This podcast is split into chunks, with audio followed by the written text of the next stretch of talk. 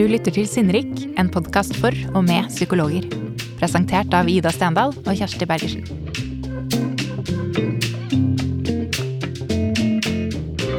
Velkommen til deg som er psykolog i spesialisering, og som skal eller har startet på spesialistoppgaven. For det er jo slik at alle psykologer som spesialiserer seg etter at de er ferdige på profesjonsstudiet i psykologi, må skrive en oppgave som del av spesialiseringen. Og vårt inntrykk er at det er en del som kvier seg litt for å sette i gang med den. Kanskje skyver litt på den. Og til slutt så kan den kanskje bli en bøy. Og så er det jo litt sånn at man kanskje blir sittende litt alene med den også. Og i dag så er vi her i Gyllendalhuset med nesten 40 psykologer i salen. Og skal gi dere som er her, og deg som lytter til oss, et aldri så lite krasjkurs, hadde vi tenkt, i hvordan du kan få spesialistoppgaven i havn. Vi skal gi noen praktiske råd vi skal si noe om hva som kjennetegner en god oppgave. Og ikke minst hva du kan få ut av å legge litt eh, innsats i den. Og Til å lose oss gjennom dette, så har vi vært så heldige å få med oss to psykologspesialister. Kirsti Sunde Hansen og Yvonne Severinsen. Kirsti er psykologspesialist i voksenpsykologi og har jobbet mesteparten av psykologlivet i spesialisthelsetjenesten. Eh, der har hun hatt ulike roller som kliniker, psykologfaglig rådgiver og leder. Og I dag jobber Kirsti ved Favne arbeids- og organisasjonspsykologi. Yvonne er også spesialist i klinisk voksenpsykologi. Har erfaring både fra spesialisthelsetjenesten og familievernkontor, som både kliniker og leder. Og nå er hun stipendiat ved Universitetet i Oslo. Og begge dere veileder på IAP sitt eh, voksenprogram, som flere kjenner til. Og ikke minst, dere har begge vurdert spesialistoppgaver i over ti år, faktisk. Så vi tenker at dere er eh, ganske kompetente til å være med oss her i kveld. Og vi er veldig glad for å ha dere med. Velkommen, begge to. Takk. Og når vi liksom begynner å si sånn at den spesialistoppgaven, den kan, kan bli litt sånn Ja, den skyver vi litt på. Mange, mange gjør nok det. Um, og det gir jo ikke akkurat en sånn boost av motivasjon og iver til å komme i gang. Så jeg har lyst til at dere skal si litt om hva er egentlig hensikten med å skrive spesialistoppgave? Mm. Altså Hensikten med oppgaven det er jo eh, å øke kompetansen sin, sånn at man faktisk blir psykologspesialist. Og det er, jo, eh, ikke en, det er jo ikke en eksamen, men det er en av de fire elementene som man skal gjennom for å bli psykologspesialist. Ikke sant? Du har veiledning, og så har du praksis, og så har du kurs, og så har du dette skriftlige arbeidet. Mm. Sånn at um, i det arbeidet så skal du uh, får du muligheten til å fordøye, da, eller fordype deg i noe av det du har jobbet med. Eller en problemstilling du velger. Og så eh, er det er det om å gjøre da å få vist at du kan formidle psykologfaglig stoff til, eh, til kollegaer. Ja. Mm. ja, for det er jo liksom litt sånn annerledes å eh, formidle kunnskapen og bare tenke det. Mm. Eh, det kan være litt sånn skjerpende. Eh, og også tenker vi da at det er en mulighet rett og slett til å kunne sette seg ned i en sånn praktisk, hektisk hverdag nettopp å kunne fordype seg litt mer i noe man både har lyst til å lære mer om, og, og kanskje utfordre når du har jobbet litt, litt sånn 'Dette jeg lærte på studiet, rimer ikke med det jeg opplever i praksis. Dette vil jeg mm. skrive noe om'. Mm. Mm. Så tror jeg vi er mange som har erfart at vi har tenkt at vi har skjønt noe, eller tenkt at vi kan, kan, altså, kan noe. Og så skal vi prøve å formidle det til en annen, og så oppdager vi Oi, Nei, dette har jeg visst ikke helt skjønt allikevel. Eller det er aspekter ved dette som jeg ikke helt forstår. Sånn at det å måtte formidle noe er, er, som Kirsti sier, ganske skjerpende i forhold til å lære seg noe. Så dere tenker at noe av hensikten er nettopp å, øh, å lære fag og klinisk arbeid på en litt annen måte? Mm. Ved å kombinere både da, den erfaringen man opparbeider seg, og eh, og det man leser seg til. Ja. Ja. Jeg, jeg fikk nesten lyst til å bare lese eh, altså Vi anbefaler jo alle å sette seg inn i de utfyllende bestemmelsene for skriftlig arbeid. For det ligger på Psykologforeningens sider. Og så Vi skal ikke sitte og ramse opp alt som står der, for det er det viktig at folk går inn og ser på selv. Men jeg fikk lyst til å lese opp bare det som står på overordna mål. For det oppsummerer det veldig fint. Og Der står det arbeidet skal vise psykologens evne til skriftlig å formidle psykologfaglig kunnskap til andre innen fagfeltet. Fremstillingen må reflektere god teoretisk og empirisk kunnskap om det valgte temaet. Og i en selvstendig drøfting av betydningen for praktisk psykologarbeid av de konklusjonene som blir trukket. Mhm. Og så kan det kanskje høres litt sånn voldsomt eller vanskelig ut, jeg vet ikke. Men jeg tenker eh, et godt tips er å forestille deg at du skal skrive til en god kollega. En kollega som kan ca. det samme som deg, men kanskje ikke akkurat om det du skal skrive om. Og som eh, vil deg vel. Eh, og som ikke skal lese det du skriver med veldig kritiske øyne, men som gleder seg til å bli eh, opplyst om et eller annet tema eller problemstilling som du har konsentrert deg om. Og det betyr at når du legger deg på det nivået, så er det ikke sånn at du skal drive og redegjøre for mye av det der grunnleggende som du lærte på studiet, men heller velge deg noe som du kan utdype litt eller fordype deg i, da. Det er et viktig poeng å tenke på hvem som er mottakeren av det du skriver. Det er det jo i veldig mange sammenhenger. Og her er liksom ikke hensikten at du skal gå gjennom hele grunnlaget, men du skal vise hvordan du kan bruke kunnskapen din på det nivået du er, og dine kolleger. Bruke faget. Men du var inne på noe der, Yvonne, i det du leste opp. Dette med valg av tema. Eh, Det kan jo være Det er jo så mye man kan, kan eh, velge å, å fordype seg i. Har dere noen tips der til eh, hvilke tema man skal velge, og hvilke kategorier det er mulig å levere innenfor også? Kan dere si litt om det? Har du noe på det, Kirsti? Ja. Eh, altså det er eh, tre ulike kategorier man kan levere under, så man må selv velge hvilken kategori man vil skrive. Så da er det forskning, som da er forskning. Eh, og eh, så er det det som heter utviklingsarbeidet. Og så er det det som flest leverer under, det er eh, faglig arbeide. Så forskning, det er f.eks. går det an å levere en artikkel hvis du har vært første, andre eller tredje forfatter. Kan ikke levere hovedoppgaven din eller avsluttende oppgave. Eh, og utviklingsarbeidet det er mer sånn systemisk virksomhet som anvender da allerede eksisterende kunnskap for forskning og praktisk erfaring, og som, retter, som er rettet mot å fremstille ny eller vesentlig forbedring av noe som allerede eksisterer, da. Men at du har utviklet eller med metode, eller nå jobber vi med denne pasientgruppen på en litt annen måte basert på det vi allerede vet, f.eks. Og så er det den siste faglige arbeidet. Det, det er eh, mer sånn erfaringsmateriale. Her kan man typisk eh, skrive om en case eller en metode man har blitt opptatt av, eller en problemstilling som man ønsker å belyse nærmere. Så her er ikke, eh, må man ikke ha type sånn hypotese eh, som man skal avkrefte eller bekrefte, f.eks. Eh, men kan være litt mer sånn Jeg ønsker å skrive om dette temaet. Eh, og her vil jeg se på Ja, vi kan komme med noen eksempler etter hvert. Kunne dere si litt om akkurat det? Altså Deres erfaring når dere har lest mange sånne oppgaver. Um, hvor stor eller hvor liten kan en sånn problemstilling eller tematisk avgrensing være? Å, den kan være ganske liten.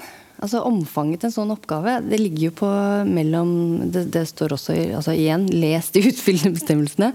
Men det skal ligge på mellom 10 til 20 sider. Og vi ser at hvis man skriver ned til ti sider, så blir det ofte for overfladisk eller for lite. Så de fleste mm, kan med god grunn legge seg kanskje sånn opp, opp mot 20 sider. Men det er jo allikevel ganske begrensa. Altså når du setter deg ned og skal skrive noe og begynner å fordype deg og finne litteratur og sånn, så, så er ikke 20 sider mye. Så avgrens. Det kan nesten ikke være for lite. Nei. Ikke sant? Um, Så det er et tips dere vil få frem. Altså ikke tenk for svært. Prøv å, å finne noe konkret og tydelig avgrensa. Nevn gjerne innledningsvis at dette kunne du løst hvis du skal belyse um, psykoser, da f.eks. Så kunne du valgt den eller den eller den innfallsvinkelen. Og vis at du, vis at du vet at det fins flere måter å forstå ting på, flere måter å beskrive uh, et fenomen på. Men, men avgrens deg til å velge ut noe. Mm. Ja. tenker det er viktig. Og så er det også viktig å si at Eh, de utfyllende bestemmelsene som vi snakker om, de er litt annerledes for eh, spesialiteten i psykoterapi. Mm. Der anbefaler de å levere i faglig arbeid. Og organisasjonspsykologi har også eh, litt annerledes eh, kriterier, men, men, der kan du levere i alle mm. eh, kategoriene, da. Men det de er opptatt av, det er nettopp det der med å, å prøve å avgrense seg. Og så tenker jeg også, eh, så vi snakker mye om det der med å kunne knytte teori og den praksisen du har opparbeidet deg fram til nå, det, det, er også sånn viktig å tenke hvis du skal tenke tema. Hva har du erfart som i den psykologrollen du er i, uavhengig av hvilken spesialitet du er, og hvilken teori kan du bruke for å belyse? Mm. Jeg må også ja, og, diskutere det, da. Ja, og igjen så har jeg lyst til å linke det opp mot at dette er en, ikke en eksamen. Nei, dette er en del av et utdanningsløp. Så, så du, skal, du, skal, vise at du eh, kan reflektere over faget ditt. Du skal vise at du eh, har kommet over noe eller lært deg noe mer enn det du gjorde når du var eh, nyutdanna. Mm. Og vi er ikke opptatt av eh, at folk skal vise hvor flinke de er. Altså, en veldig god oppgave kan gjerne være å beskrive et eh, pasientforløp hvor man har mislykkes. Mm. Og så se på hva var det egentlig som skjedde her. Altså den, den, sånn type ydmykhet, det er jo bare helt nydelig. Så dette er ikke et sånt eh, arbeid hvor man skal vise alt man kan, eller hvor suksessfull enten avdelingen eller en selv er som terapeut. Man skal vise at man kan reflektere over faget sitt og bruke anvende teori på det man observerer eller erfarer. Det kjente jeg liksom fikk skuldrene litt eh, to hakk ned. kan, kan, bruke noe man kanskje følte at man ikke fikk så godt til. Ja. Og det er jo litt sånn Det dere sier nå, handler jo litt om kanskje å tilegne seg noen ferdigheter som man ønsker at man skal kanskje ha med seg videre eh, i arbeid eh, som psykolog. Dette med ydmykhet og evne til å reflektere mm. over eh, praksisen. Nettopp. Men jeg har lyst til å, å, gå litt videre. Vi er liksom litt i gang med det nå. Um, dette spørsmålet om hva. For dere har um, helt sikkert lest mange oppgaver dere syns var veldig gode. Dere har lest oppgaver dere tenker her uh, manglet det en god del. Um, hva er det dere ser etter? Hva kjennetegner en god oppgave? Vi ser litt på det. Ja, Det overordnede er jo det som er målet og hensikten. At du kan formidle psykologfaglige stoff til andre psykologer, da, hvis vi tenker på et nivå. Men det handler jo også om, og da handler det jo også om det med struktur, f.eks. i en oppgave. At det er en innledning, du, du, sier noe om en problemstilling, gjerne en avgrensning. Det syns vi var veldig fint. Eh, kort om det. At du legger fram teori på en hensiktsmessig måte. Dvs. Si, eh, på et litt høyere nivå enn det var ved studiet, eller at du kan avgrense og spisse det også. Eh, ikke sånn Nå skal jeg skrive alt om eh, schizofreni, f.eks., hvis man tar det. Mm. Og så handler det jo om at du har en god drøfting eller refleksjon rundt, eh, rundt den teorien du har eh, lagt fram, da. Mm. Og gjerne bruk av case, vil jeg si. Mm. Eh, men der er det jo også noen sånne fallgruver. Mm. Ja, skal jeg si litt om det? Ja. Nei, jeg tenker for eksempel, Nevnte du schizofreni nå, Kirsti? Ja. ja. Hvis man f.eks. vil skrive om eh, hvis man har jobbet på et tidlig intervensjonsteam eller jobba med psykoser, og så skal man skrive om, eh, velger man det som tema. Så tenker jeg to fallgruver man kan gå i. Det er enten at man bare tar utgangspunkt i lærebøker, og så bare refererer opp og ned alt man kan om eh, eh, schizofreni. Som vi tenker at ja, men det, var, det, det kunne man jo gjort også på, nesten som første, førsteårsstudent på psykologstudiet. ikke sant? Det er ikke så spennende. Typisk fallgruve. Typisk fallgruve. Ja. eh, og så har du den andre grøfta, hvor du kanskje bare forteller om eh, begeistra om et eller annet, eh, om et eh, pasientforløp du har hatt. Eh, og hvor fint og bra det gikk. Eh, men uten å reflektere over hva var det egentlig jeg gjorde. Hva var det som bidro til endring? Kan det ha vært andre ting enn meg som den fantastiske terapeuten som gjorde at det ble en forandring her? Eh, kan det være utenforliggende faktorer som at, at pasienten fikk seg en jobb eller en kjæreste? Det kan jo ha vært andre ting som medvirker til uh, bedring. Eller, som vi ser noen ganger, er at det ser ut som man har tatt, uh, tatt utgangspunkt i pasientjournalen og klippa og limt. Sånn at det er mange sider, kanskje, med anamnese, vurderinger, eh, beskrivelser av eh, alt mulig. Men uten at man anvender eh, psykologfaglige perspektiver og metoder på å reflektere om det man, har, det man beskriver, da. Så det jeg syns jeg hører deg si nå, det er at man egentlig må ta litt mer plass som fagperson, ja. kanskje. Altså ja. bruke seg selv og sin egen sine egne reflekterende evner i større grad enn man kanskje har vært vant til tidligere da, under studiet. Ja, og når vi skriver journal, så er vi ofte også skal vi være veldig korrekte. og vi skal være, det blir ofte veldig, Vi skal jo være litt usynlige i den journalen på et eller annet vis. Mm. Veldig mange skriver i hvert fall sånn. Så det å tørre å tre frem med sine erfaringer, opplevelser, observasjoner. Samtidig som man klarer å skille mellom ok, det er sånn jeg så det eller erfarte det. Eh, og det er sånn jeg tenker om det. At man skiller analysen og tolkningen sin fra observasjonen. da. Mm. Selv om vi alle vet at det ikke er helt mulig. Men allikevel prøve på det. Så er det litt det der med å bruke seg selv og også være litt sånn, kanskje ha et kritisk blikk hvor, kan du si litt mer om det, Kirsti? Hvordan får man til det? Ja, eh, det har vi sagt litt om også, men, det, men, nettopp det der Vi tenker jo at det er jo en av de tingene vi har med oss fra studiet. altså Vi har tatt en akademisk utdannelse, og det å ha et sånt klin, eh, kritisk blikk på egen praksis, da, mm. det tenker vi er veldig viktig. Og det nettopp også å ha distanse til det man eh, holder på med. Og kunne løfte seg litt ut. Og hva er det som skjer her. Hvis det er en terapi, men det kan også være i et jobb med en organisasjon. ikke sant? Hva var det som virket her og ikke, og hva fikk jeg til og ikke? Og ikke minst hvorfor. Det er jo sånne betraktninger kan vi si da, som vi er ute etter. Mm -hmm. så, så, det er nettopp det nivået vi tenker som er et på vei til spesialistnivå, da. ikke sant? At, er, at, du skal vise litt sånn gryende spesialistkompetanse. Mm. Mm. Og så var du litt inne på i starten, Yvonne, dette med struktur Eller det var du også, Kirsti. Dette med struktur. Altså hvordan man bør tenke på oppbygningen. At ikke noen deler liksom vokser seg ut og blir kjempelange. Og det å være god til å avgrense. Mm. Har dere noen tips til liksom, metode, eller hvordan man skal arbeide for å få til det? Altså, jeg kan jo avsløre eh, Jeg leverte, brukte veiledning, husker jeg, den gangen jeg skulle skrive. Jeg hadde altfor mye på gang samtidig. Eh, den, akkurat den våren jeg skulle levere spesialistoppgave. Og eh, heldigvis brukte jeg ekstern veiledning. og hun og leverte La skammen til side og bare leverte masse skriblerier og ideer.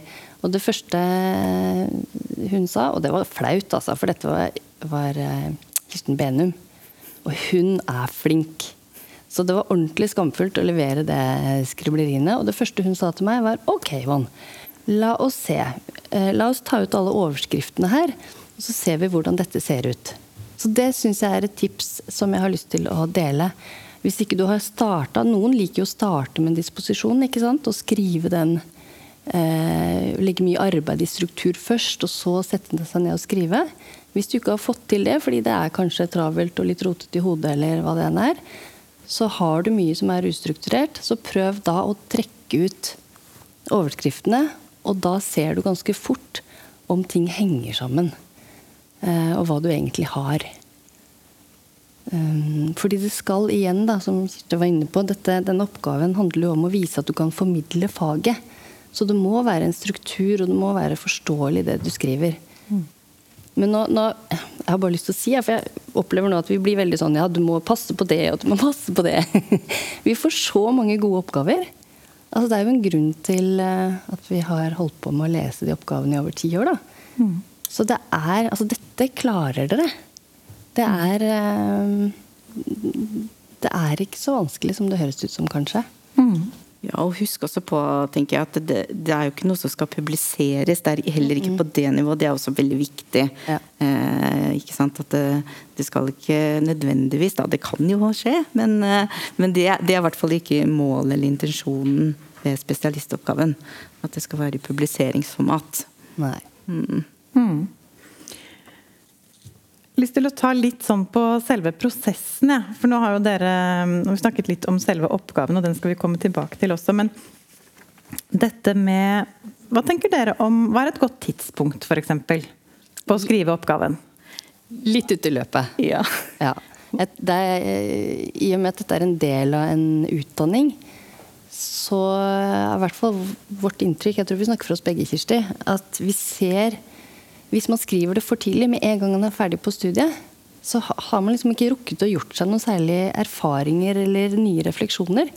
Så eh, jeg vil veldig anbefale at man har jobba noen, i hvert fall et par år. Mm. Før man eh, Man må gjerne begynne å tenke, men det er, liksom, det er jo noe Det er jo det å ha fått seg noe erfaring og skulle fordøye og skrive om, da. Og det er jo en utrolig fin mulighet. Veldig mange får jo også litt permisjon til å skrive den oppgaven. Så det å benytte den muligheten, den, det er til nettopp å få lov til å bearbeide inntrykk og fordype seg litt, som det er så liten tid til vanligvis da, i arbeidslivet. Mm. Ja, så litt ute i løpet. Så det er liksom ikke noe man skal eh, skynde seg å bli ferdig med? For man tenker at det kunne vært veldig deilig å bare ha den unna? Tikka på den, liksom? Nei. Nei, ikke nødvendigvis.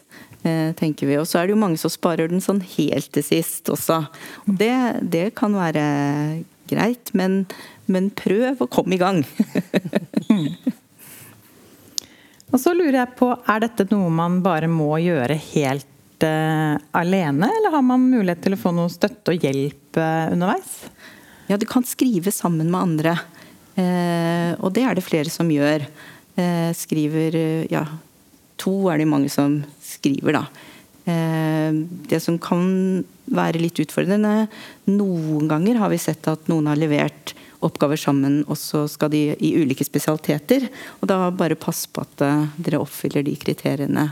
Da jeg tror det er i psykoterapi, så anbefaler man vel egentlig å bare være én som skriver. Mm. Men så er det også det med veiledning, som du nevnte, Yvonne. At man kan få er det inntil ti timer. Godkjent. Jeg tror det står inntil 20. Ja, 20 er det.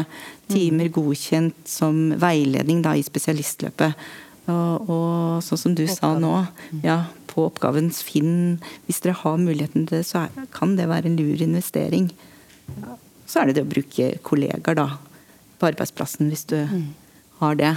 Mm. Kunne drøfte litt hva spennende Kanskje hjelpe til med en god formulering på problemstilling, f.eks. Mm. Men hva hvis den da ikke blir godkjent? Du har levert, og så blir den ikke godkjent. Hva da? Ja, da, eh, da er ikke alt topp ute. Da eh, får dere en tilbakemelding, og den skal være på et sånn overordnet nivå. Da, men hvor, vi, hvor eh, vi sier litt om hva som er grunnen til at den ikke godkjennes.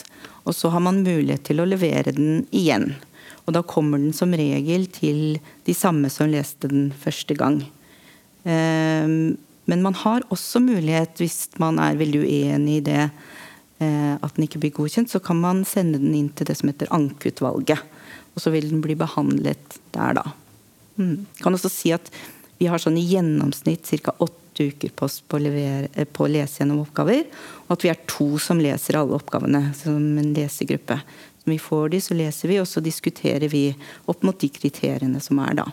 Mm. Og hvis vi er i tvil i en lesegruppe, så kan vi be en tredje person lese. Mm. Vi enten er uenige eller dette er VIP. Ja. Men Yvonne, du har lest mange oppgaver, og du har sikkert også opplevd å ikke godkjenne noen oppgaver. Hva, hva er det folk typisk strever med? Altså, hva er det som liksom er litt sånn Kan du si noe om det? Typiske ganske svakheter eller feller som gjør at en oppgave ender opp med ikke å bli godkjent?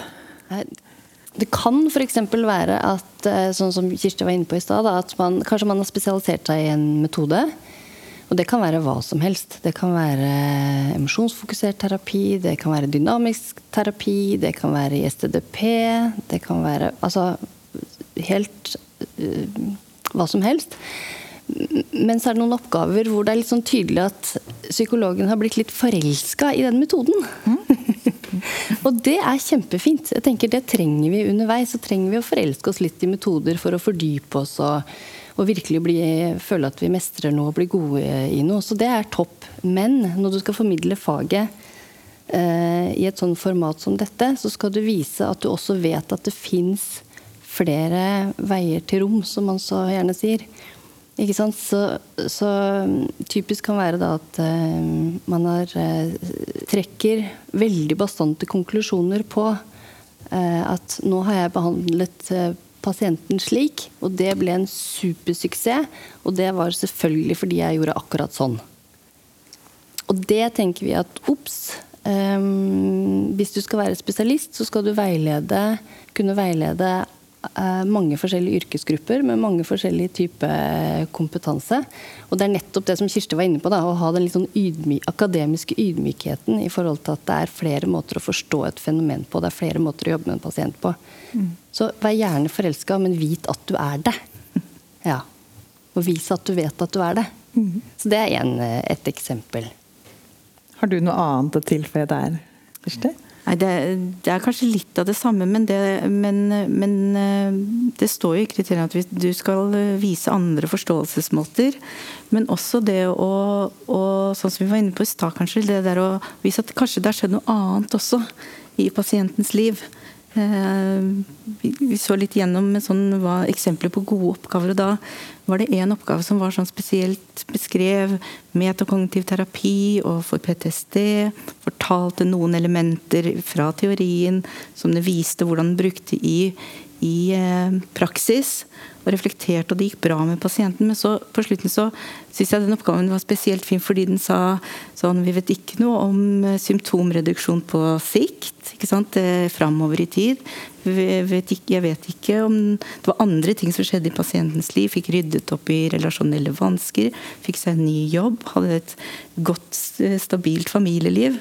Det viser nettopp det der eh, ydmykheten, tenker jeg, som vi er, vi er opptatt av. Så hvis det blir for deskriptivt, det kan vi også se, at, at eh, det er veldig, en veldig deskriptiv oppgave uten nettopp diskusjon eller refleksjonen, mm, da, da leter vi litt sånn.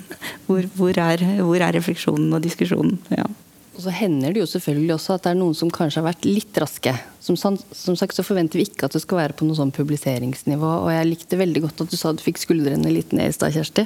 Hvis du tenker bare at du skriver en, til en kollega som vil deg vel, så er det det nivået man skal ligge på. Men det må jo samtidig være en gjennomarbeida tekst. Så det hender jo selvfølgelig at vi av og til får tekster som kanskje er veldig, veldig korte, eller veldig, veldig rotete. Eh, hvor, hvor, det mangler overskrifter, det mangler struktur. Eh, det er ikke språkvaska. Vi, det er mangel på referanser. Ja, hvor vi ikke helt klarer å følge logikken da, i mm. oppgaven. Og da har man ikke klart å formidle faget. Mm. Vi skal begynne å runde av denne praten, men jeg har lyst til å høre med dere sånn helt til slutt. Eh, dere har lest og vurdert oppgaver i flere år. Og da blir jeg veldig nysgjerrig på hva, tenker, hva, får dere ut av det? Hvorfor fortsetter dere og fortsetter dere med disse oppgavene? Hva, hva er verdien, tenker dere, for dere? Vi er jo kjempeheldige. Altså, vi får jo lov til å holde oss oppdatert. Altså alle, Vi leser jo oppgaver til de som utdanner seg nå, og som skriver om ting som er aktuelt akkurat nå. og det er Enten det er metoder som er i vinden, eller det er dagsaktuelle temaer som eh, koronapandemien. Og det er som sagt det er så mange flinke eh, psykologer i spesialisering som leverer nydelige oppgaver. Så for oss er det, det er gøy, ikke sant Kirsti? Jo, jeg er helt enig. Lærer masse. Ja, veldig. Og i den hektiske hverdagen som vi har vært inne på, så, så er det noe med å, å bruke spesialistoppgavene som en sånn, og nettopp å holde seg faglig oppdatert hvis man ikke får lest alle de bøkene man egentlig burde ha lest. Så, så det å Det er bare en sånn kilde til kunnskap, egentlig. Eh, som er veldig fint å få muligheten til. Ja. Så får vi fulgt med på hva som rører seg ja. hos de som er under utdanning. Hva de er opptatt av. For du får jo et litt sånn bredt bilde når du får en del oppgaver i løpet av et år. Nei, så det er fint. Da vil jeg si tusen takk for at dere var med oss til Yvonne og Kirsti. Tusen takk. Selv takk.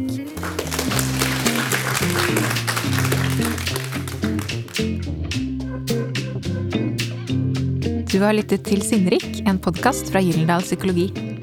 Dagens gjester var Yvonne Severinsen og Kirsti Sunde Hansen. Episoden ble spilt inn på Gyldendalhuset.